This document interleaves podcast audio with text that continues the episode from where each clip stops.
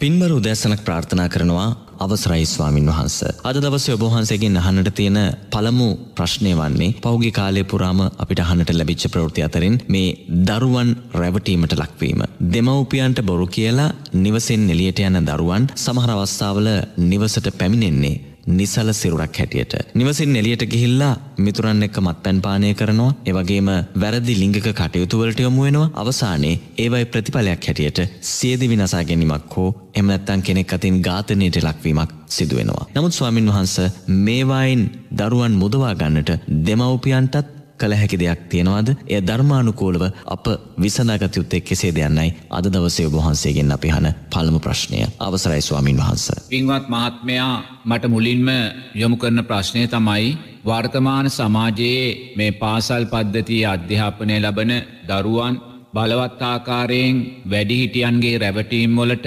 අන්‍යයාගේ රැවටීම් වලට ලක්වෙලා ඒ අය ලිංගික වශයෙන් දූෂණයට ලක්වෙනවා. ඒ නිසාම ඒ අයට බරපතල කායික අනතුරු සිද්ධ වෙනවා. ඒ වගේම සියදි විනස්සා ගැනීම් නැහම නැත්තං සැක සහිත මරණයන් පවා සිද්ධ වෙනවායි කියන කාරණය.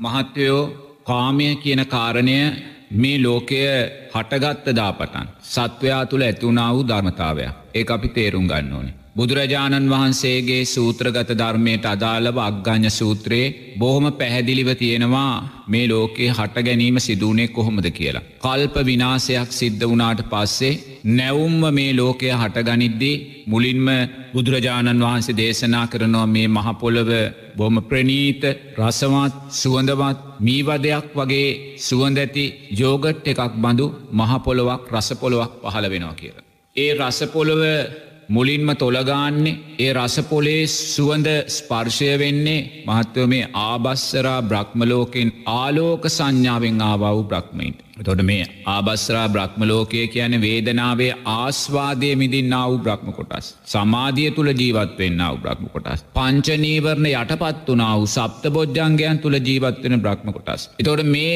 ආබස්සරා බ්‍රහ්මලෝක බ්‍රහ්මයෝ මේ මනුස්සලෝකට මේ නැවුම් මහපොළවට ඇවිල්ලා මේ සුවඳ ආග්‍රහණය කරලා ඒ සුවඳට වහවැටිලා ඒ ස්පර්ශයට බැඳිලා ඒ පර්ශය කරේ ඇලීම් ඇති කරගෙන ඒ රස්සපොළොව දිවගානව රස වැඩිව වෙනවා. ඊට පස්සේ ඒක කඩාගෙනයක් කනවා. අවසාන රසපොලො තුෂ්නාව නිසාම විනාස වෙලා යනවා. ඊට පස්සේ අර තම්පල පහළ වෙනවා. පැණිහතු ඇල්හාල් පාල වෙනවා. උදේ වපුරල හවසට අස්වැනු ගන්නාල් ඇල්හල්. දි මෙවැනි මේ අවස්ථාවකදී මේ සත්වයා දැ මනුස්්‍යය බවට පත්වෙලායින මේ ආලෝක සංඥාවෙන් ආපු බ්‍රහ්මයෝ මේ තුෂ්නාව නිසාම තුෂ්නාවේ ඔද්දල් භාවය නිසාම් මේ අගේ කය ගන වෙලා මේ ආලෝක සංඥාවෙන් ආපු බ්‍රහ්මයින්ගේ රූප මනුස්සරූප බවට පත්වෙනවා. එතොඩේ මනුස්සරූපයක් බවට පත්වෙලා ඊට පස්සෙ මොකක්ද වෙන්නේ. මේ තුෂ්නාව නිසාම මේ ඇල්හාල් කරේ තුෂ්නාව නිසාම මේගොල්ල කරන දේමොකද මේගොල්ලන්ට කාමය සකස් වෙනවා. එකිනෙට කාදෙස බලන්ගන්න මොක තාමයගොල්ලො ස්ත්‍රී පුරුෂ වශයෙන් වෙන් වෙලා නෑ බ්‍රහ්මලෝක ඉන්න බ්‍රහ්මයෝ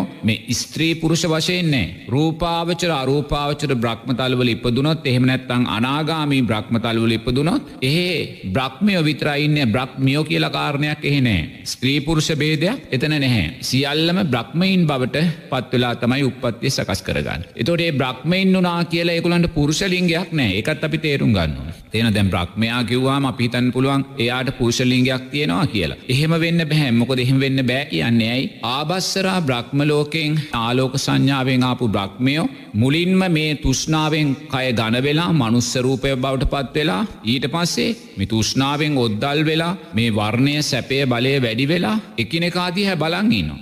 එකනෙකාදිහැ බලංඉන්නකොට එගොලට රාග ඇතිවෙනවා. ඒ රාගය ඇතිවීමත් සමගම තමයි අතීත සංස්කාරයන්ට අදාළව ස්ත්‍රී පුරුෂ භාවයන් ඇතිවෙන පුරුෂලින්ගේ සහ යෝනිමාර්ගය කියන කාරණය ඒ දෙගොල්ලන්ට ඇතිවෙන්නේ අර එකිනෙකාදිහැ බලාගන ඒ කාමයන් වැඩෙද්දී අතීත සංස්කාරයන්ට අදාළව ස්ත්‍රී සංස්කාරයන් බලවත් අයට යෝනිමාර්ගයකුත් පුරුෂ සංස්කාරයන් බලවත් අයට පුරුෂලින්ගෙකුත් ලැබෙන එමතම එක ධර්මානුකූලව අපි විග්‍රහ කරගන්නවා. ඒම ලැබුණට පස්සේ මහත්යෝ ඒගොලු ලිංගිකව හැසිරෙනවා. ඔන්න දැන් ඒගොල්ලො කාමේ වර්දවා හැසිරෙනවා. ඒගොල කාමේ වර්දවා හැසිරෙද්දී ඉන්න අනිත් ප්‍රජාවට මේක හරියාගන්තුක දෙයක්. ඒගොල්ල මේකට කැමති වුණේ නෑ ඒගොල්ල හිතුවත් දෙයනේ අපි මේසා සුන්දර සමාධිය සුවයවිදැන් හිටපු අපි. මේසා පංචනීවරණය අටපත් කරගෙන හිටපු අපි. දැම් මේ මොකක්ද අපේ අයට වෙලා තියනෙ එහෙම කියල මාත්‍යයෝ අර ලිංගිකව හැසිරෙන අයට ඒගොල්ල ගල් ගැහවා. ඒගොල්ල පස් ගැහවා. ඒගොල්ල මට ගැහවා. එනිසා ඒගොල්ලන්ට විවෘත්තව ලිංගික ක්‍රියාවලිය දෙන්න බැරි වුණා. අන්න ඊට පස්සේ මොකද කරන්නේ? මේගොල්ල යම් ආවරණයක් හදන්න පටන් ගත්තා. පොඩි මඩුවක් පොඩි ගයක් ගල්කුටියක් ඒවගේ ආවරණයක් තුළ එකැන් නිවාස තුළ ජීවත්වීමේ අන්න ගත් ඒ නිසා මහත්තයෝ කාමය කියන කාරණය. මේ වර්තමානයේ ඇතිවෙච්චා වූ තත්ත්වයක් නෙමේක හොඳට තේරුම් ගන්න ඕනේ. අවිද්‍යාව යම් තැනකද එතන අනිවාර්යම තුෂ්ණාව තියෙනවා. ඒ තුෂ්ණාව යම් තැනකද එතන අනිවාර්යම රූපයේ ආස්වාදය කාමයේ ආස්වාදයන් අනිවාර්යම සකස් වෙන ධර්මතාවයන්. ඒ නිසා කාමයන් කියන කාරණය රාගය කියන කාරණය ලෝකය හටාරගෙන මුල් අවස්ථාවේදීම ලිංගික වශයෙන් වෙන්වෙන්ම ස්ත්‍රී පුරුෂ භාවයට පත් වෙලා කාමයන් නැති වෙලා ලිංගික හැසිරීමේ ක්‍රියාවලියට පටන්ගත් දැන් ඉන් පස්සේ සමාජය අවුලක් වෙනවා. දැහිතින් මේකොළ ලිංගිකව හැසිරෙන්න්න පටන් ගත්තා. කායික ශක්තිය වැෑවෙනවා එනිසා වැඩිපුර නිෂ්පාදනය තියෙන් ඕනේ වැඩිපුර පුෂිකර්මය තියෙන් ඕන වැඩිපුර ආහාර තියෙන් ඕනේ. අවශ්‍යතාවයන් වැඩි වෙනවා. ඉතිහෙම වැඩිවෙද්දී සමාජය තුළ ගැටුම් වැඩිුණා ඒ නස් වෙන්න පැහැරගත්තා අනිත් කෙනාගේදේ කඩාවඩාගත්තා අනිත් කෙනාගේදේ උදුරගත්තා තේන දැම්මකොද ජීවත් වෙන්න ඕනේ නඩත්තු කරන්න ඕනේ වැඩිපුර ආහාරෝනේ මේවා නිසා සමාජය තුළ අවුලක් ඇති වුණා. එතෝටේ අවුල ඇතිබුණ වෙලාවේ ඒ ප්‍රජාවමොකක්ද කරන්නේ තමන් තුළින් නායකෙක් තෝරගන්න. එතෝට නායකයා තෝරගත්තේ අද වගේ ප්‍රජාතන්තවාදයෙන් නෙමේ චන්ද බලයෙන් නෙමේ. එදායේ නායකයා තෝරගත්ත මහත්තයෝ අතේ පය හයිියෙන්. කවුදේ ප්‍රජාව තුළ ඉන්න හොඳට ශක්තිමත් කෙනා අනිත් ඇය කායිකව දමනය කරන්න පුළුවන් කෙනා අනිත්තෑයට වඩා අතපය හොඳට ශක්තිමත් කෙනා අන්න එයා පාලකෙ කැටියට තොරගත්. එනම් බලන්න මේ ලෝකය හටගත්ත මුල් අවස්ථාවේදී. කාමයන් විසින්ම රාගය විසින්ම සමාජය තුළ බලවත් අර්බුදයක් හැටගැති. ඒ කාමයන් හේතුවෙන් රාගයන් හේතුවෙන් අර්බුදේ අදටාපු මේ ආගන්තුක දෙයක් නෙමේ ඒ ලෝකය හටගත්ත මොහොතෙත් මේ අර්බුදය මේ වගේ මාවා. දොන මේ අර්බුදේ මේ වගේම එද්දී ඒ අය කළේ මොකක්ද ඒ අර්බුදය පාලනය කරගන්න පාලකෙක් පත් කරගත්ත. අන්න එතනයි ඒගොල් එතරින් මේ ප්‍රශ්ත විසිදුම හැටියට ඒගොල සිද්ධ කළේ. ඒගොල පාලකෙක් පත් කරගෙන ඊට පස්සේ ඒ ප්‍රජාව තුළ සිදුවෙන්නාව වැරදි දේවල්. අසාධාරණ දේවල්. සම්මතයෙන් තොර දේවල් පාලනය කරගෙන ඒගොළන්ගේ සමාජ ඉස්සරහට අරංගිය. එනම් මත්වයෝ වර්තමාන සමාජයේ දරුවන් කාමයන්ට යොමුණා කියන කාරණය දරුවන් නොමග යනවායි කියන කාරණය දරුවන් වැඩිහිටියන් හෝ ගුරුවරුන් රවට්ටනවායි කියන කාරණය එක අදඊයක වෙච්ච දෙයක් නෙමේ. ඒ නිසා අපි තේරුම් ගන්න ඕනේ අතීතෙත් ලෝකේ හටගත්ත වෙලාවෙත් මේ ප්‍රශ්නය ඇති වුණා ඒ ප්‍රශ්ම හැටියට එදා ජනතාව තෝරාගත්තේ ශක්තිමත් පාලකෙක් අත පයහයියෙන්. අවසරයි ස්වාමින් වහන්ස ඔබහන්සේ දැන් මේ සකච්ඡාව අතරතුරදී පැහැදිලි කලා යම් ආකාරයකට මේ පාලකෙක් ලෝකේ බිහිවෙච්ච කාලයම තෝරාගත්ත ප්‍රශ්නවලට පිළිතුරු සොයාගන්න කායික වශයෙන් ශක්තිමත් පාලකෙක් තෝරාගත්ත කියලා. වර්තමානයේදීත් අපි පාලකයන් තෝරාගන්නවා. නමුත් ගැටලු විසඳලා නැති බවක් නම් අපිට පේනට තියෙනවා. ධර්මය අසන්නට තිබුණත් මේ අහන ධර්මයත් නිවැරදිව පිළිපදින බවක් අපිට පේනට නැහැ. මේකට හේතුව මොකක්ද ස්වාමින් වහන්ස. නමුත් අද වර්තමාන සමාජය තුළ සම්මතයක් තියෙනවා පාලකෙක් පත්කරගන්න ප්‍රජාතන්තවාදයෙන් කියල. එනිසා සමාජය තුළ පසුගේ අවුරුදු ගානක පුරාවට මේ සිද්ධීන් වෙනවා හිටපු ගමන් පාසල් වයිසේ ගෑනුදරූ දූෂණය වෙනවා මරාදානවා ඒවට කළේ කෞද කෙලවත් හොයා ගන්න නෑ ඒවගේම බලවත් දූෂණයන්ට ලක් වෙලා ඒගොල් මුළු ජීවිත කාලෙම සමාජයට මුණ දෙන්න බැරුව ජීවත් වෙනවා මුළු ජීවිතයෙන් විනාස වෙනවා විවාහ ජීවිත පවායකුලෙන් කඩාකප්පල් වෙනවා ඉති එනිසා මෙවැනි කාරණාවන් දිගින් දිගටම ගලාගෙනාපු සමාජකයි අපි ජීවත් වෙන්නේ එනිසා මේ තත්ත්වය යම් වෙනසක් ඇති කරන්න නම් මහත්වයෝ අපි කොච්චර කතා කලා කියලොත් හරියන්නේ නෑ. අපි ධර්මයට අදාළුව කොච්චර බණකිව්වත් කියන කාරණය අදාලනේ එන මන්දැන් ඊය දවසෙත් කාට හරි කිව්වා සමාජයට ස්වාමීන් වහන්සේලා කොච්චර බණකිව්වත් සමාජයේ දවසින් දවස සජාතාරාත්මකව දුර්වල වෙනවා කියලා. ඉති ඒක ඇත් අපිට එක පේනවා. සමාජයේ සදාචාරාත්මකෝ දුර්වල වෙනවා. එතෝට දැන් කෙනෙක් කියන්න පුළුවන් එහෙනම් ස්වාමීන් වහන්ස ඔබවහන්සේලාගේ බණකීමේ අර්ථයක් නැහැනේද කියලා. එම නැත්ත ඔබවහන්සේලාගේ ධර්මය ශක්තියක් නැද්ද. නැහැ. බණකීමෙන් වැඩක් නැත්තෙ නැහැ. ධර්මය ශක්තියක් නැත්තෙ නැහැ. ස්වාමින් වහන්සේලා තුළ තමන්ගේ සංගගුණයන් නැත්තෙ නැහැ. නමුත් අපි මේ හැම දෙයක්ම බුදුරජාණන් වහන්සේගේ ධර්මයට අදාලෝ ගල පන්න ඕනේ. බුදුරජාණන් වහන්සේගේ ධර්මයට අදාළව ගලපන් නැතුව කොහෙන් හෝ බාහිරින් අපි මේක විසඳුම් හොයනවන නැත්තන් චෝදනාවන්ට ලක් කරනවන අපිට ප්‍රශ්නය කවදක්වත් විසඳගන්න පුළුවන්කමක් නැහැ. බුදුරජාණන් වහන්සේ අදම්මික සූත්‍රයේදී බොහොම පැහැදිලිව දේශනා කරනවා රටේ රාජ්‍යනායකයා ධර්මිෂ්ට වීතුයි කියලා. මුලින් දෙවනුව රටේ ඇමති මණ්ඩලේ තුන්ගෙනුව රටේ මන්ත්‍රී මණ්ඩලේ. ඊට පස්සේ තමයි හතර වෙනුව මහා සංගරත්නය ධාර්මික වෙන්නේ. ඉහල තුන කුණුවනොත් සංග සමාජයත් කුණු වෙනවා. මේ ඉහල හතරම කුණුවනොත් ජනතාවගේ අධ්‍යාත්මයක් කුණුවෙන් මේ මේ සුන්දර හේතු පල ධර්මයන් බුදුරජන් වන්සේ දේශනා කන අපිට මේ මේ ධර්මයන්ගෙන් තොරව අපිට විසිදුම් කතා කරන්න බැහැ අපේ උමනාට කතා කරන්න බැහැ ඒ වාර්තවත් වෙන්නේ නැහැ. ඒ නිසා අපි දක්ෂ වෙන්න ඕන හිතන්න රටේ රාජ්‍යනායකයා. රටේ ඇමති මණ්ඩලය මන්ත්‍රී මණ්ඩලය දූෂිතනම්. ඒ අය සදාචාරාත්මකව සමාජය ගොඩනගන්න උත්සාහයක් ගන්න ඇත්තං. ඒ අය වැඩිපුරම ප්‍රවර්ධනය කරන්නේ උත්සාහ ගන්න මිච්චා ආජීවයන්න. එක පැත්තකින් මත්වතුර මත්කුඩුව ඒ පැත්ත වේගෙන් ඉහල යන ගංජවැනි දේවල් නීතිගත කරන්න යන.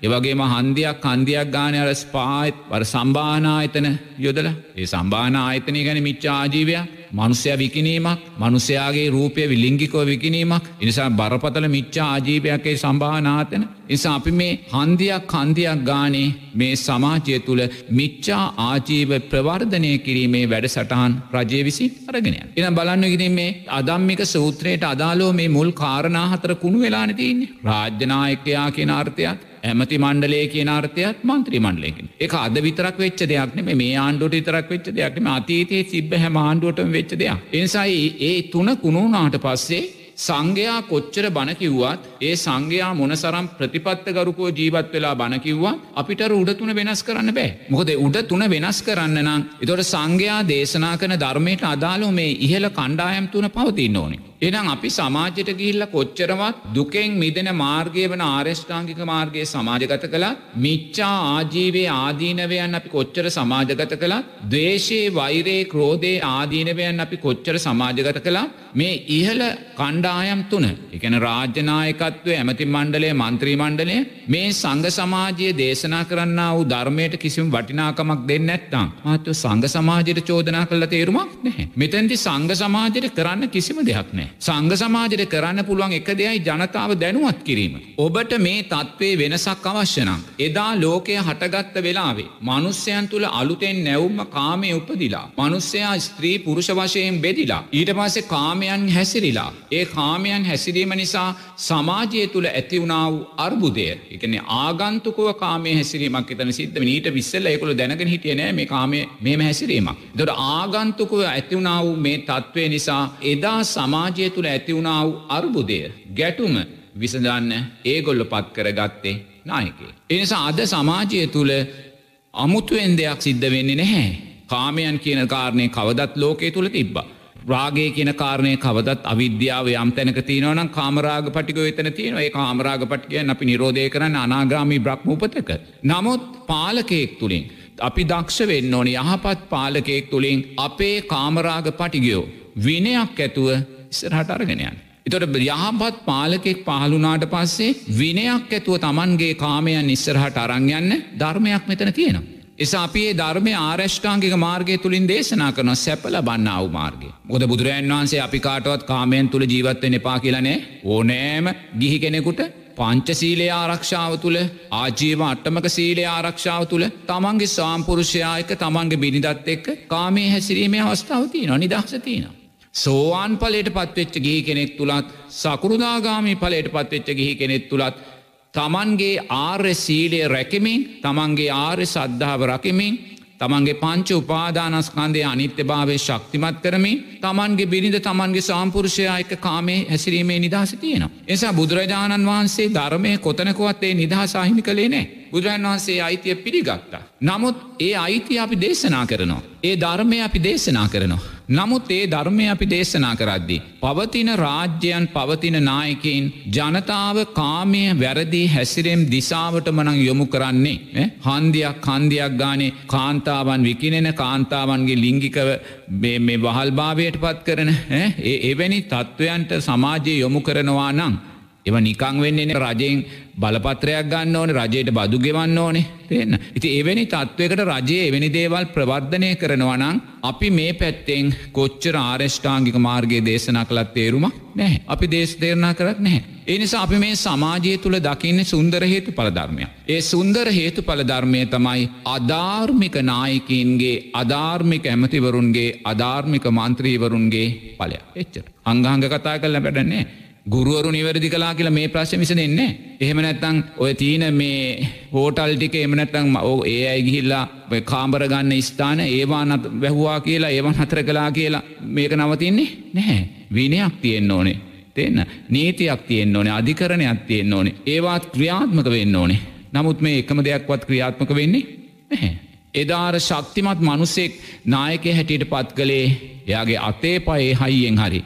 වැරදි කරන කෙනා දමනය කරගන්න. එදා දම්නය කළ එහෙමයි ඒකයි නායකයට අතපය හයිය කෙනෙක් පත් කරගත්තේ. අනිත් ඇයට ගිල ගහලහරිඒ කරන්න. නමුත් වර්තමානයේ මේ ප්‍රජාතන්තවාදී ලෝකයේ තුළ එහෙම කෙරෙන්නේ නැහැ.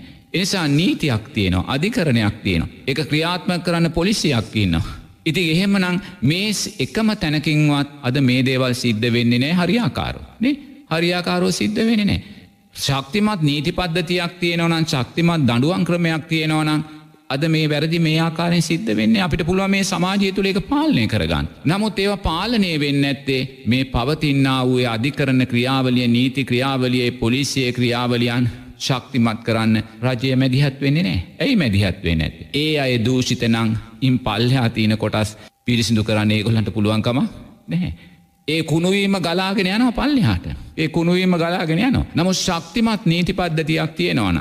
මේ රටේ කිසිමනක මේ රටේ කිසිම හෝටලේක අවුරුදු බාල වයස්කාර කෙනෙකුට දෙන්නෙකුට කාම්බරයක් දෙන්නේ නෑ කියලා දුන්නොත් ඒ බලපත්‍රය පවා අහිමි කරනවා මේසා හිරදඩුවමත් දෙනවා කියලා නීතිහත් තිබ්බනම් මහත්තයෝ ඔය දේවල් හුඟ කඩුවේ. ඒ නීතිය තිබ්බ කියලා හරියන්න ඒ නීතිය ක්‍රියාත්මක වෙන්න ඕන. දේ අදත් නීති ඇති නමුත් ප්‍රශ්න තියෙන්නේ නීති තිබ්බට නීති ක්‍රියාත්මක වෙන්නේ නැහැ. ඒවා මුදලට යට වෙනවා. තේන ඒවා හිතවත්කම්මොලට යට වෙනවා. ඒ නිසා නිරේතුරුවම සමාජය තුළ අමුතු දෙයක් සිද්ධ වෙන්නේ නැහැ. ලෝකය නැවුම්ම හටගත්ත මොහොතේත් ටික කාලයක් ඇද්දිමේ කාමරාග පටිගයන් නිසා ප්‍රශ්න ඇති වුණා. කාමේ වරදවා හැසිරීමේ ප්‍රශ්න ඇති වුණා. දූෂණයවීමේ ප්‍රශ්න ඇති වුණා. ඒක ලෝකධර්මයක් ඉන්තොර ලෝකයක් අපිට කවදක්වත් දකින්න බැහැ.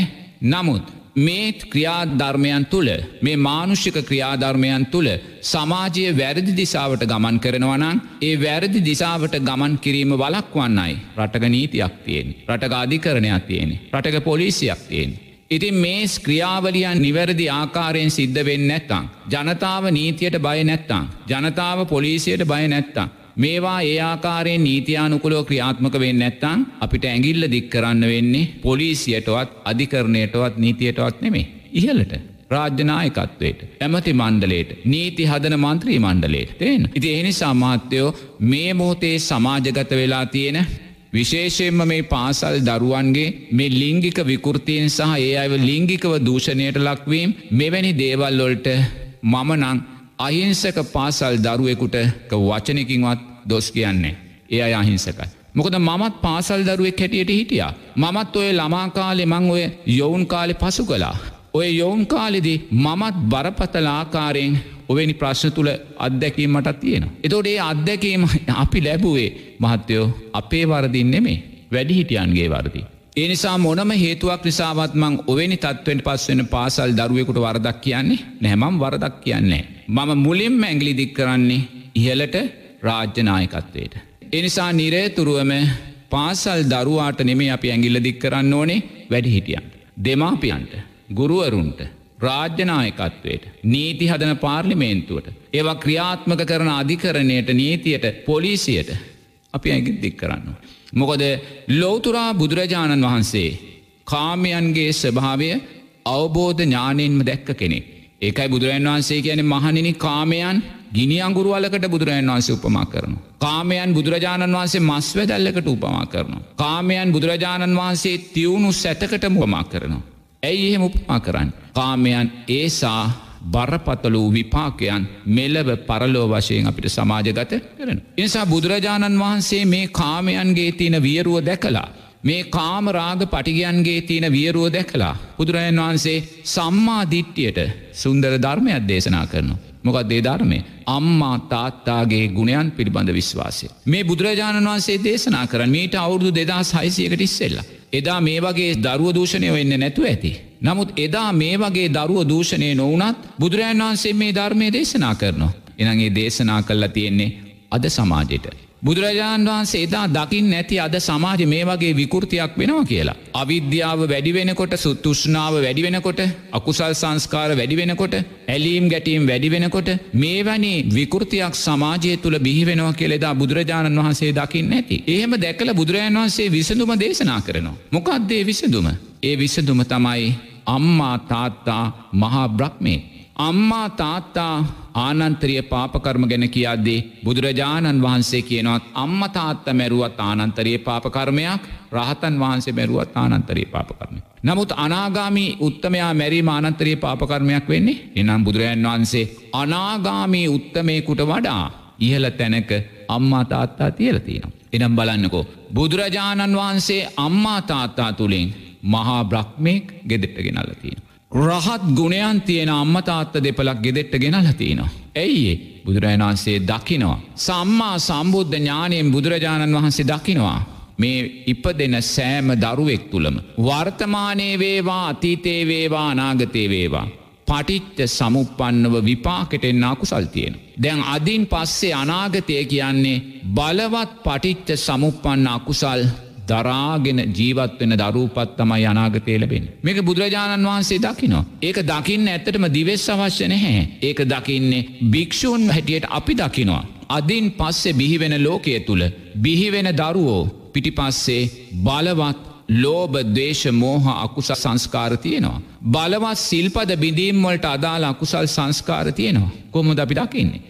අපි ඒක දකින්නේ සමාජය තුළ අවිද්‍යාව වැඩි වෙනවනං සමාජය තුළ ලෝබ දේශ මෝහයන් වැඩි වෙනවනං එහි පලයෙන් ඊළඟ පරම්පරාව බරපතලු අකුසල් සහිත උපදින පරම්පරාව. එක දකින දිවෙස් අවශ්‍යනෑ හේතු පලධර්මය. ඒ නිසා මුලින්ම අපි අම්මතාත්ත තේරුම් ගන්න ඕනේ ගොද වර්තමානය අම්මතාත්තලට සම්මාධිට්්‍යය දුර්වලයි. වර්තමානය අම්මතාත්තලාට සම්මාධිට්්‍යය දුර්වල නිසා අම්මල තාත්තලා තමන්ට ලැබුණු දරුවා මේ දරුවා දිව්‍ය ලෝකෙන් ආපු දරුවෙක්. එන තුසිතේයාමේ නිර්මාරතය පරණින්මිත වසවත්තේ තාවතින් සේ චාතුර් රාජිකාවෙන් ආපු දරුවේ. මේ දරුවා මගේ දරුවා බ්‍රහ්ම ලෝකෙන් ආපු දරුවේ. එහෙම තමයි අම්මතාත්ත හිතන්න.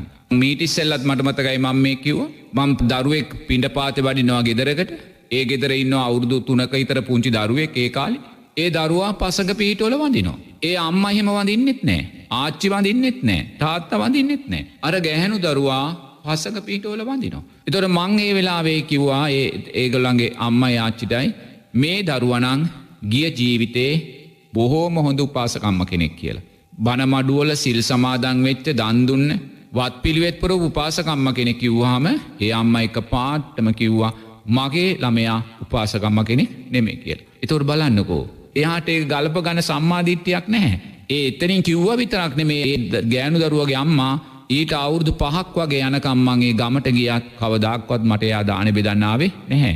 එයාගේ ආච්චි තමයි දාන බෙදුවේ අර පුංචි දරුවයි. එනිසා එදා ඒ අම්මා කැමති නෑ ඒ දරුවා මනුස්ස ලෝකෙන් ආපු දරුවෙක් කියලා දකින්න. සමහර දරුව ඉන්න අපිට ඇවිල්ල කියනවා ගිල්ල හඳහන බලනවා. හඳහන බැල්ලුව හම කියනවා මේ දරුවා ඇවිල්ලා තියෙන බ්‍රහ්ම ලෝකෙන් කියලා. හඳහන බලපු මහත්‍යය බ්‍රහ්ම ලෝකය ගැන දන්නෙත් නෑ. රූපාවචර බ්‍රහ්මයා කියන කවුද අරූපාවචර බ්‍රහ්මයා කියන කවුද අනාගාමී බ්‍රහ්මයා කවුද කියලා කියන්න ඒ හඳහන බලු මනුස්්‍යයා දන්නේ නෑ තේන. නමුත් එයා කියනවා මේ දරුවා බ්‍රහ්ම ලෝකෙන් ආපු දරුවෙක් කියලා අර දරුව වාරණා කරනවා. නමුත් අර දරුවාගේ හැසිරීම හරිම විකෘති. ඒ දරුවා කීකරුයි අම්මතාත්තට කීකරුයි ගුරුවරුන්ට කීකරුවෙනවා. ඒ වගේ මෙයා ආහාර කෙරේ හුකක් රුචි සෙල්ලං කරන්න හුකක් රුචි ඇඳුම් පැළඳුම් ඇන්දත් ඒ ඇම් බොහොම විසිතුරු ලස්සන දේවල් අඳන්න හදන. එතෝට බ්‍රහ්ම තලයකින් ආපු කෙනෙකුට එවැනි ලක්ෂණ නැහැ ඒ අපි තේරුම් ගන්නවා. කවුරු හරි දරුවෙක් ඉන්නවනං ඒ දරුවා කන්න බොන්න ආස අර ස්තරම්ම දේවල්නම් රසවත්ම දේවල් නම් විසිතුරු දේවල් නම් ඔය තෙල් කෑම අරුව මේවනම් උතේ දරුවා බ්‍රක්්බලෝකින් ආපු දරුවෙක් වෙන්න බැහැ. මොකද සංස්කාරපච්චයා විඤ්ඥානන් කියන ධර්මතාවය තුළ ඒ අතීත පුහුණු යම් ප්‍රමාණයකට හෝ ආරක්ෂා වෙලා තියනවා. ඒ මුල් කාලවල්ලොල පස්සේ අසපුරුෂාශ්‍රයන් නිසා ඒවා විකෘති වෙලා යන්න පුළුවන්. එනිසා යම් දරුවෙක් කාමයන්ට ලැදිනං ආහාර කෙරේ රුචිය වැඩිනං සෙල්ලමට බරනං එහා බ්‍රහ්මලෝකෙන් ආව කියන්න බැහැ. නමුත් මේවා සමාජයට ගලපගන්න බැහැ. ඒ ගලපගන්න බැරි නිසා ඉපදෙන දරුවෝ සිය දෙනාගෙන් සිය දෙනාම හිතන්නේ අම්මල තාත්තලා අපේ දරුවා ආවේ දිවතලයකි. අපේ දරුවාවේ බ්‍රහ්මතලයකින්. මේම ඉතල ප්‍රශ්න විසඳන්න බැහැ. අපේ දරුවා ආවේ බ්‍රහ්මතලයකින්නම් දිව්‍ය තලයකින්නම් බුදුරජාණන් වහන්සේ අම්මා තාත්තා මහා බ්‍රහ්මයහිටට පනවන්නේ නැහැ. බුදුරජාණන් වහන්සේ අම්මා තාත්තා රහත් ගුණයන් තියෙන කෙනෙක් කියල පනවන්නේ නැහැ. ඒ වගේම අපට සම්මා දිට්ටිය තියෙනවනන් තේරුම් යන්න ඕනේ. බ්‍රහ්ම තලයකින් ආවත්. ඒ කෙනා අසත්පුරුෂ ධර්මයන් ඉදිරියේ ඒ කෙනා පංච නීවරණයන් ඉදිරියේ එයා විකෘතියක් වෙනවා. මොකද ආබස්සරා බ්‍රහ්මලෝකෙන් ආපු බ්‍රහ්මයෝයි. මේ මහ පොළොව නැවුම්ම හටගත්ත වෙලාවේ. අර මහ පොළොවේ මිදිල තිබ්බේ රසවත් යෝගට් එකට වහ වැටිලා මේසා විනාසයක් කරගත්තේ. එනිසා ඔබේ දරුව බ්‍රහ්මලෝකෙන් ආවත් දිව්‍යලෝකෙන් ආවත් අනතුරකට යන්න තියෙන ස්වභාවයන් ඒ ආකාරෙම තියෙනවා කියන කාරණ. අන්න බුදුරජාණන් වහන්සේ දේශනා කරනවා.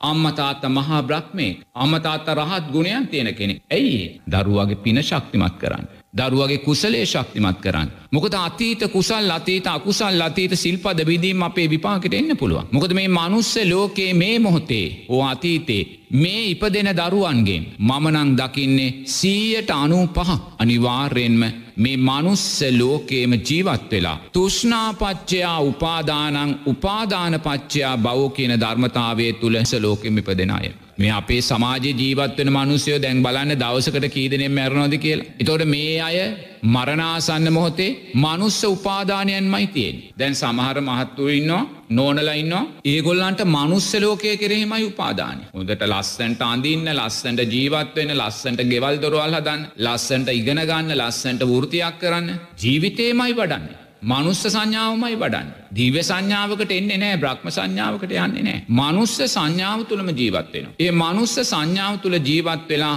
මනුස්ස වුවමනාවන් කෙරෙහිමයා තුෂ්නාව ඇති කරගන්න. මං හිට මීට වඩා ඉගෙන ගන්න. මං හිට මීට වඩා හොඳ වෘතියකට යන. මං මීට වඩා හොඳ විවේකී විශ්‍රාම ජීවිතයක් ගත කරනවා. මං අදට වඩා හිට මගේ විනෝද ගමන් විනෝධ චාරිකා යනවා. මනුස්ස සංඥා පිළිබඳ තුෂ්නා වැඩි වෙන. එහෙම වැඩි වෙලා යා මැරෙන මොහොතේ මවකුසකටම ගිහිල්ලා බැසගන්න. තොට මවකුසකට බැසගත්තට පස්සේ. තුෂ්නාපච්චයා උපාදානං උපාදානපච්චයා බවෝ කියන ධර්මතාවය තුළ එයා මවකුසකට බැසගත්තට පස්සේ පටිත්ත සමුපන්නෝ විපාකටේ අකුසල් තියෙනවා. සිල්පද බිඳීම් තියෙනවා. ලෝබදවේශ මෝහයන් තියෙනවා. අන්න බුදුරජාණන් වහන්සේ මේවත් දකිනවා. අවිද්‍යාව වැඩිවෙන්න වැඩිවෙන්න මේ අනතුර වැඩි වෙනවා. මොකද අකුසල් සංස්කාරයෝ වැඩි නිසා. එනිසා බුදුරජාණන් වහන්සේ මේක දැකලා අන්න බුදුරජාණන් වහන්සේ පනවනවා අම්මතාත්ත මහා බ්‍රහ්මෙක් ඔබලගේ පිටිපස්සේ අකුසල් තියෙනවා. දෙමාපියන්ටත් කියනවා. අම්මතාත්ත කියන මහා බ්‍රහ්මෙක් ඔබ හැසිරෙන් ඕනේ මහා බ්‍රහ්මෙක් හැටියට. අම්මතාත කියන රහත් ගුණයන් තියෙන දෙපලා ඔබ හැසිරෙන් ඕනේ රහත් ගුණයන්ට අදාළව. ඔබ එහෙම හැසුනොත් තමයි. දරුවා ඔබදිහැ බලලා ඔබ කරේ ගෞරවයක් ඇති කරගන්න. ඔබ කරේ විශ්වාසයක් ඇති කරගන්න. එනිසා ඔබ මහා බ්‍රක්්මයෙක් නොවනොත් ඔබ රහත් ගුණයන් තියෙන අම්මතාත්ත දෙපලක් නොවනොත් කවදක්වත් දරුවා බුදුරජාණන් වහන්සේට අදාළව ධර්මයට හදාලව ගොඩනැගෙන දරුවෙක් වෙන්නේ නැහැ. එනිසා මහා බ්‍රහ්මයක් කියල බුදුරජාණන් වහන්සේ අම්මතාත්තට පවරනකොට රහත් ගුණයන් තියෙන දෙපලක් කියලා අම්මතාත්ත නම් කරනකොට දෙමාපියන් දක්ෂ වෙන්න ඕයි. තමා තුළේ මහා බ්‍රහ්ම ගුණයන් නැති කරගන්න. ඒ මෙත්තා කරුණා මුදිතා උපේක්ෂා ගුණයන් නැති කරගන්න. තමා තුළේ උතුම් රහත් ගුණයන් නැති කරගන්න. මේ සියලු සංස්කාරයෝ අනිත්‍යය කියන දකිනේ රහත් ගුණය. මේ මොහොතේ සුන්දරවින්න දරුවෙක් ඊළඟ මොහොතේ වෙනස් වෙන්න පුළුවන්. ඒ රහතන් වහන්සේගේ දැක්ම. එතෝඩේ වෙනස්වීම දකිද්දේ අපි ඒ වෙනස්වීම වැරදි දිසාවට වෙනස් වෙන්න දෙන්නේ නැහැ. මගේ දරුවා මේ මොහොතේ කොච්චර ලස්සන්ට සුන්දරෝ විනයගරුක හිටුවත් අම්ම තාත්ත දකින්න ඕන ඒකයි බුදුරන් වන්සේ අම්මතාත්තා මහා බ්‍රහ්මයෙක් වගේම රහත් ගුණයන් තියෙන දෙපලක් කරන්නේ. රහත් ගුණයන් කියන සියලු සංස්කාරයෝ අනිත්‍යය කියල දකිනවා. තමන්ගේ දරුවා මේ මොහොතේ කොයිසා විනයකරුකොව හිටියත් අමතාත්ත දකිනවා සියලු සංස්කාරයෝ අනිත්‍යයි. ඊළඟ මොහොතේ දරුව වෙනස් වෙන්න පුළුවන්. අසත්පුරුෂ ආශ්‍රයකට වැටුනොත් කල්්‍යයාන මිත්‍ර නොවන ආශ්‍රයකට වැටුනොත් මේ දරුවා වෙනස් වෙන්න පුළුවන්. නමුත් අම්මල තාත්තලේක දකින්නේ. මගේ දරුවා ඊ එත් හොඳයි අදත් හොඳයි හෙටත් හොඳයි. දරුවා කෙරේ පූර්ණ විශ්වාසය තියෙනවා. දරුව කිවොත් එහෙම අම්ම මම හෙලියට යනවා ගෑනු දරුවේ අවස පහයි යන්න දෙනවා. අපි දකිනවා මේ රෑ හතයි අටයි නමයයි දහයයි මේ පාසල් වයිස ගෑන් දරු පාරවල්ලො තනීම යන පොත් බෑකිකත් කරේතියන් තනීම යන. ඇයි අම්ම තාත්තා තුළ රහත් ගුණයන් නැහැ. අම්මතාත්ත දකිින් නෑ සියලු සංස්කාරයෝ අනිත්‍යයි කියලා. බුදුරජාණන් වහන්සේ දෙමාපියන්ටේ අනාගාමී උත්තමයෙක් මැරුවෝ තානන්තරිය පාපකර්මයක් වෙන්නේ නැහැ කියන තැන. ඔබලා රහත් ගුණයන් තියෙන තැනකට පත් කරන්නේ. ඒ සංස්කාරයෙන්ගේ අනිත්‍ය භාවය දකින්න. එනිසා ඔබේ දරුවාද මේ සමාජයන හොඳම දරුව වෙන්න පුළුවන්. නමුත් ඔබ රහත් ගුණතින අම්ම කෙනෙක් තාත්ත කෙනෙක් බුදුරන් වස ඔබ වෙතන තියෙනවා. එනිසා ඔබේ සංස්කාර නිත්‍යයි කළ දකින්න එපා. දරුවා පිටිපස් අතීත අකුසල් තියෙන්න්න පුළුවන්. ඒ අතීත අකුසලයක් විපාකෙටාවොත් ඒ සංස්කාරය මොහොතින් වෙනස් වෙලායි. එනිසා ඔබේ දරුවා කොයිසා විනියගරුක වුණත්. ඔබ දරුවා කරේ කොයිසා විශ්වාසවන්ත වුණත්. අවදාක්වත් දරුවෙකුට නොසතුසුදේ කරන්න ඔබීට දෙන්න එපා.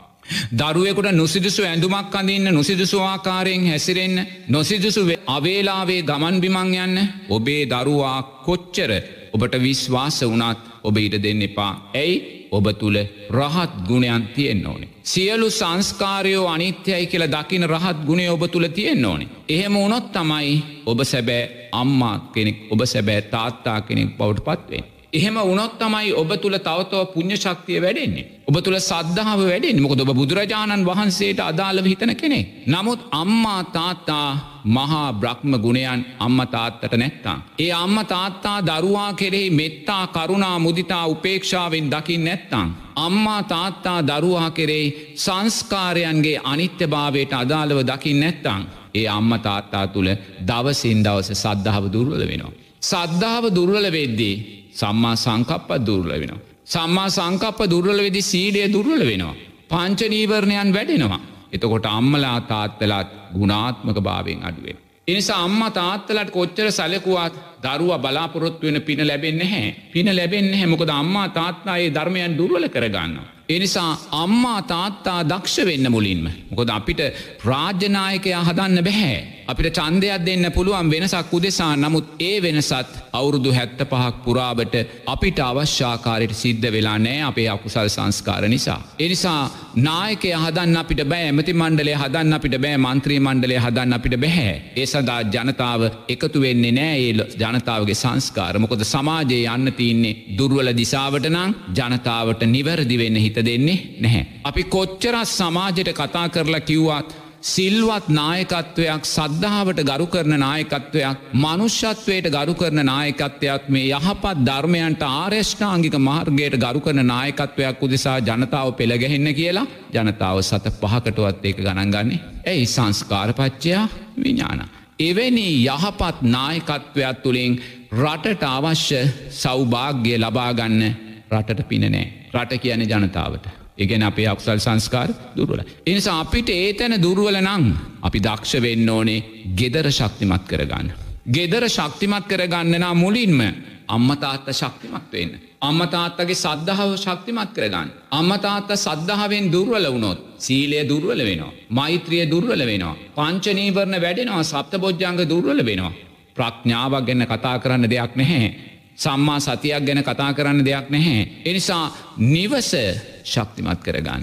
එක ශක්තිපත් කරන්න නම් අම්මලා තාත්තලා දකින්න නිරේතුරුව මාතුළ මෙත්තා කරුණා මුදිතා උපේක්ෂා ගුණයන් මං ඇතිකරගත්තුයි දරුවා කෙරේ. ඒවාගේම රහත් ගුණයන් මේ සියලු සංස්කාරයෝ මොහොතකින් වෙනස් වෙන්න පුළුවන්. එනිසා අද දවසේ මං හතරට දරුවා එලියට යව්ව කියලා හෙට දවසේත් ඔබ හතරට දරුවා එලියට යවන ලෑස්ති වෙන්න එපා. ඒ අවශ්‍ය දේවල් සොයල බලන්න ඇතුව. මුොද සියලු සංස්කාරයෝ අනිත්‍යයි. නමුත් අද දවසේ ඔබ ද හවස හතරට දරුවා එලියට ඇරලා අද ගියා හෙටත් ගියදෙන් කමන්නේ අනිද්දත් ගියදෙන් හරි දැන් දවස් තුනක් ගියා ඊළඟ දවස සවස හයට එඩියට ගියදෙන් කමක් නෑ එයි සංස්කාරයන්ගේ අනිත්‍ය භාවය දැක්කේ ඒ අම රහත් ගුණයන් ජීවිතයට දරාගත්ත නැති කෙනෙක්. එනිසා ඔබේ රහත් ගුණයන් ජීවිතයට දරාගන්න.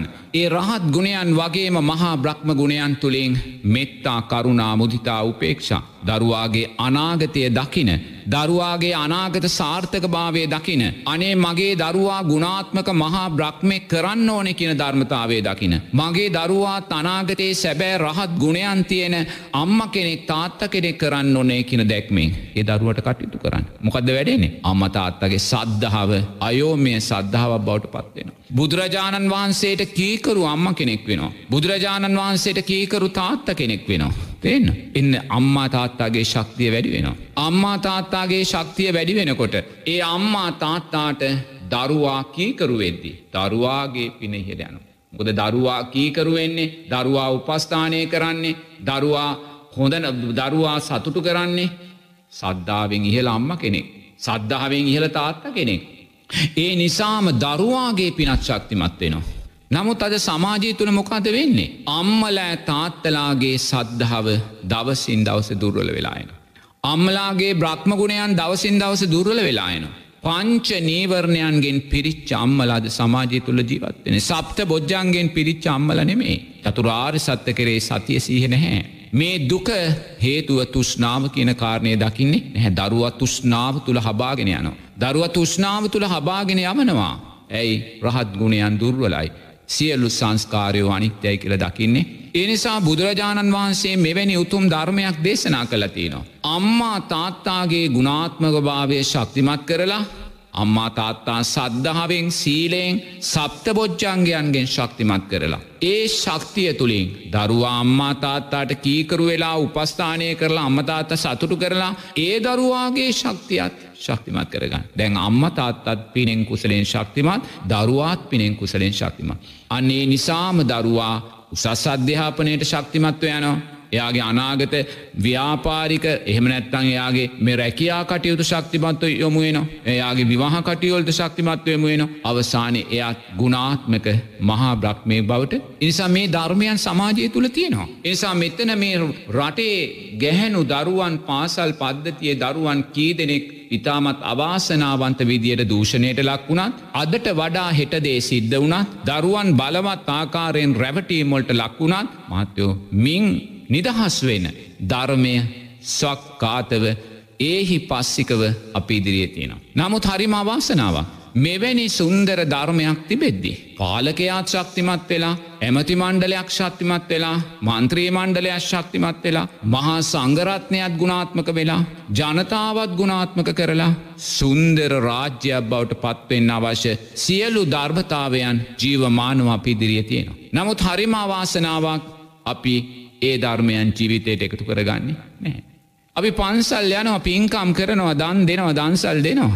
නමුත් ගතයුතු සැබෑ ධර්මය ජීවිතයට එකතු කරගන්නේ නැහැ. අවසරයි ස්වාමින් වහන්ස ඔබහන්සේ මේ පැහැදිලි කරන ආකාරයට සංස්කාරයන්ගේ අනිත්‍ය බවත් ඒ නිසාම දරුවන්ට සිදුවේ හැකි අනර්ථයන් පිළිබඳවත් ඔබහන්සේ අපට මනාව පැහැදිලි කළ දුන්නා. ඒ වගේම දරුවන් යහමගට ගන්නට නම් පළමුුවෙන්ම දෙමාපියන් පිනෙන් කුසලයෙන් ශක්තිමත්ව දරුවන්දීට යොමු කළ යුතු බවත් ඔබහන්සේ සඳහන් කළා. මේ සියල්ල නිවැරදිව සිදුවනත් වෙනත් පාර්ශවයක් අතින් දරුවන් රැවටීමට ලක්වීම සිදුවෙන්න පුළුවන්කමත් තියෙනවා නේද ස්වාමිනි.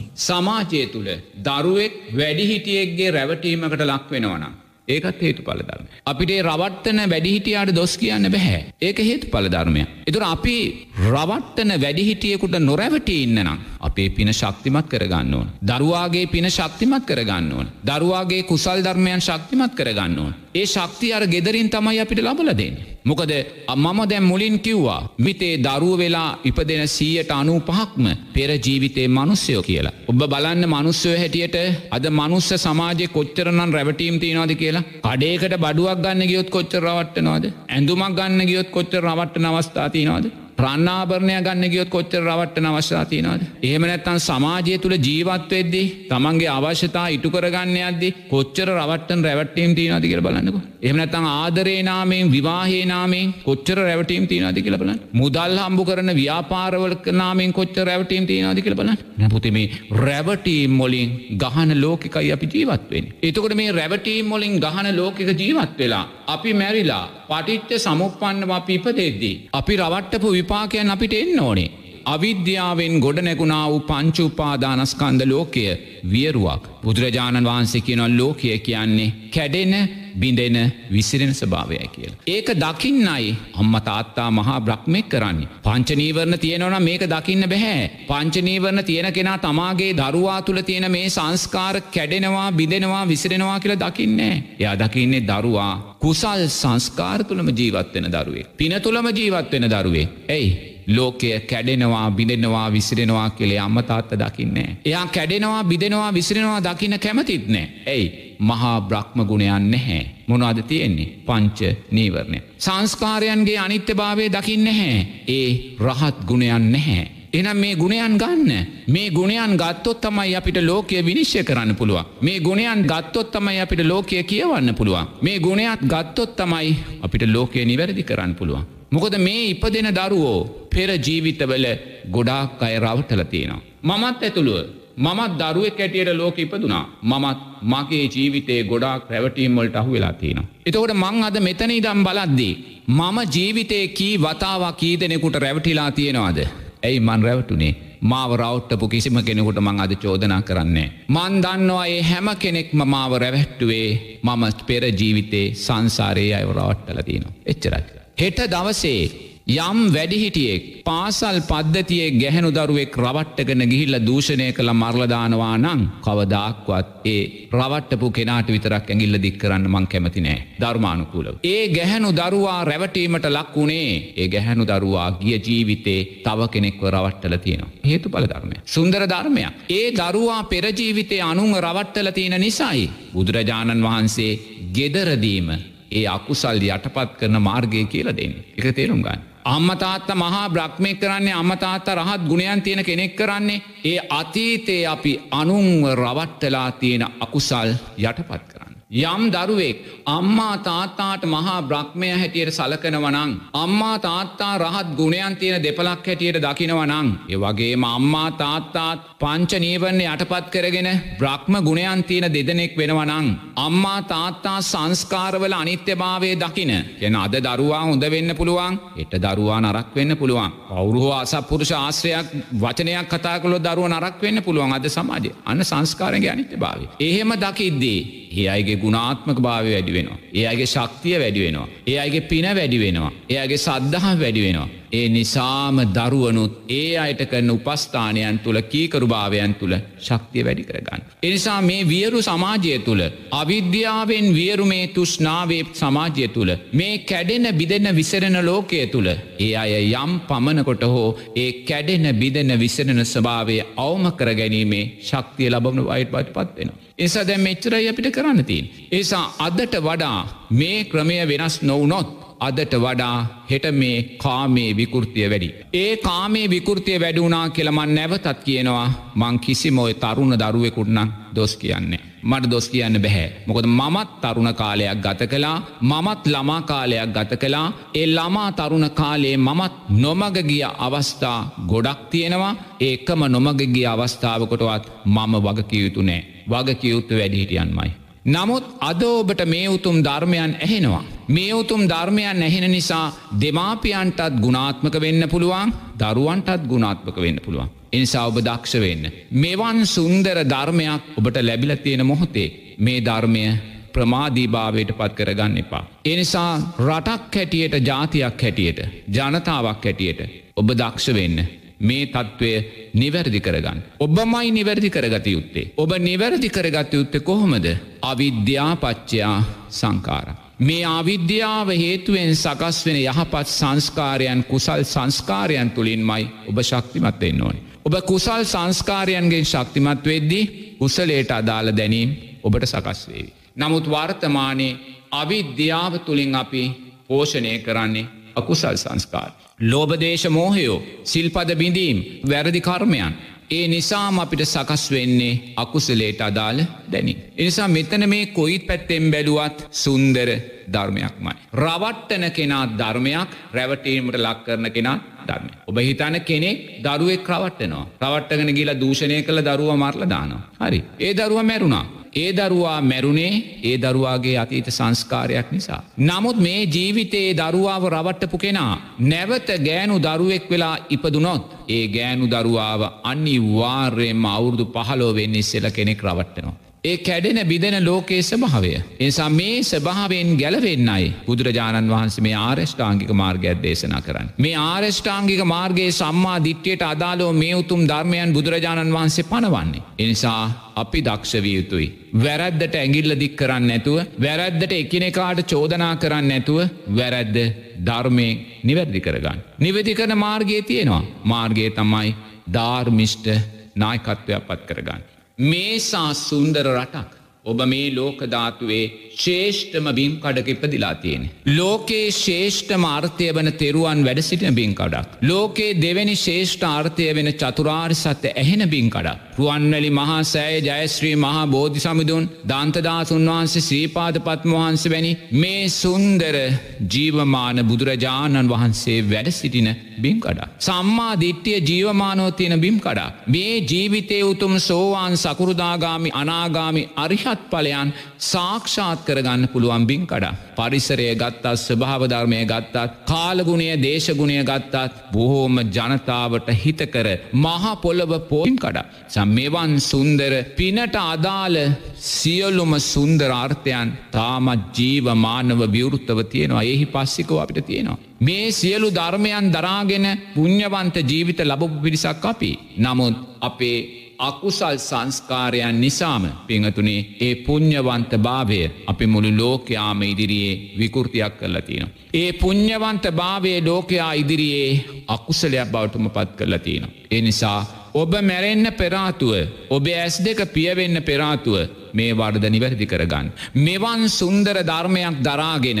ඔබ මේ සමාජය කාමයන්ගෙන් විකෘති සමාජයක් බවට පත් කරලා මැරිලගියොත්. ඔබ මේ සමාජය ධනයෙන් බංකොලොත් සමාජයක් බවට පත් කරලා ඔබ මැරිලගියොත්. ඔබ මේ සමාජය දරුවෙකුට නිදහසේ ජීවත්වෙන්න බැරි සමාජයක් බවට පත් කරලා ඔබ මැරිලගියොත්.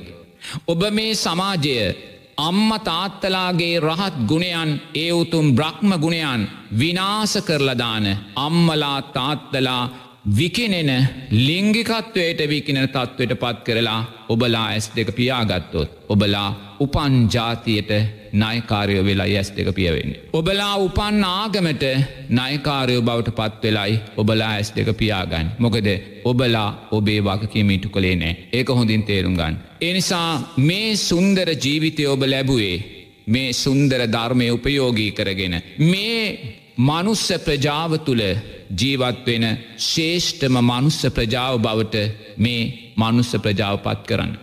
මේ ලෝකය තුළ ශේෂ්ඨම ධනවත්ම සදාචාරාත්මකම ගුණාත්මකම සිල්වත් සමාජය බවට පත්වන බිම් කඩක් බවට මේක පත් කරගන්න. නමුත් අපි එතනින් ගොඩක් ප්‍රමාදී. ඒ ප්‍රමාදී භාවය අප්‍රමාදී භාවයක් පවට් පත් කරගන්න. මං මේ කතා කරන්නේ බුදුරජාණන් වහන්සේගේ ශ්‍රාවකෙක්. බුදුරජාණන් වහන්සේගේ ශ්‍රාවකය කැටියට මම අප්‍රමාදී වුණා. ප්‍රමාදී ලෝකය තුළ මම අප්‍රමාදී කෙනෙක් බවට පත් වනා. එතොට මේ ප්‍රමෝක්කය තුළ මම පූර්වා දර්ශීව අප්‍රමාදී වනා කියන කාරණය මං විවෘතව කියනවා. තෙන්. මං විවෘතෝ කෙන එකට අභියෝග කරන්න පුළුවන් කෙනෙක් නැහැ. අභියෝග කළත් ඒක සත්පුරුෂ අභියෝගයක් වෙන්නේ නෑ එක අසත්පුරුෂ අභියෝගයක්. නිසා අසත්පුරුෂ අභියෝගයන් වෙන්න පුළුවන්. නමුත් මම බොහොම පැහැදිලිව කියනවා මේ කැඩෙන බිඳෙන විසිරෙන ලෝකය තුළ තියන්න. මම ධර්මය උපයෝගී කරගෙන.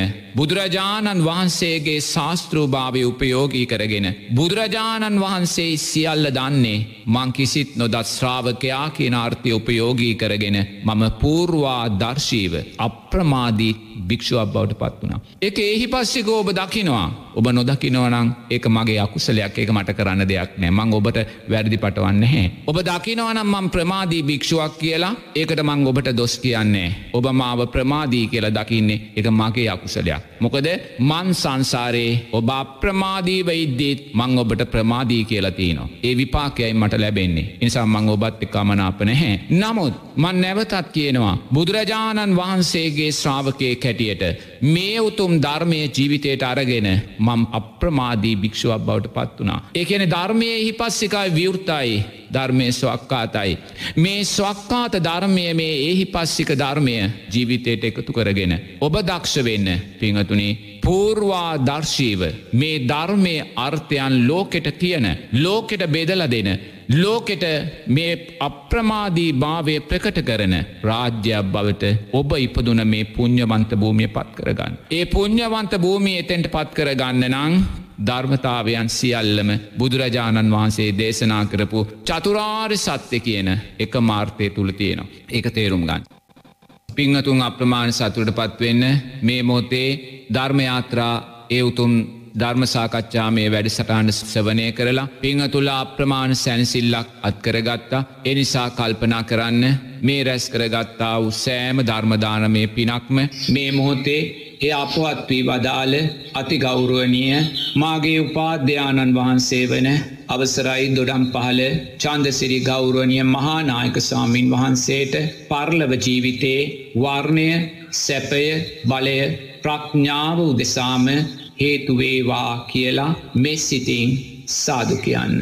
ඒ වගේම මේ රැස් කරගත්තා වූ සෑම පිනක්ම උත්තරීතර මහානායක සාමීන් වහන්සේලා ඇතුළු සියලූම වන්දනීය මහා සංගරත්නයට මේ පින් නිදුක් නීරෝගේ සුවපත්භාවය දීර්ගායුෂ උතුම් චතුරාර් සද්ධර්මයෝ දැකීමට මේ පින් උත්තම ශක්තියක් වේවා. ඒ වගේම මේ මෝතේ සිරසගුවන් විදිලි ඉදිරියේ වාඩි වෙලා මේ උතුම් ධර්මය ශ්‍රවණය කරපු. ඒ අප්‍රමාණූ සියලූම පිංහතුල්ලාට මේ පින් නිදුක් නීරෝගේ සුවපත්භාවය දීර්ගායුෂ උතුම් චතුරාර් සද්ධර්මයෝ දැකීමට මේ පින් උත්තම ශක්තියක් වේවා. ඒ වගේම කල්්‍යයාන මිත්‍රභාවයෙන් උපකාරක ධර්මයන් සකස් කොරදුන් පින්වත් සාරධ මහත්මයාට පින්වත් පුබුදු මහත්මයාට ඒ සිරස ගුවන්විදිලියේ ප්‍රධානී සජිත්‍රත්නායක මහත්මයා ඇතුළු කාර්මණ්ඩලේ සියලූම පිංහතුල්ලාටත් මේ පින් නිදුක් නීරෝගේ සුවපත්භාවය දීර්ගායුෂ උතුම් චතුරාර් සද්ධර්මයෝ දැකීමට මේ පින් උත්තම ශක්තියක් වේවා සියලු දෙනාට තෙරුවන් සරණයි.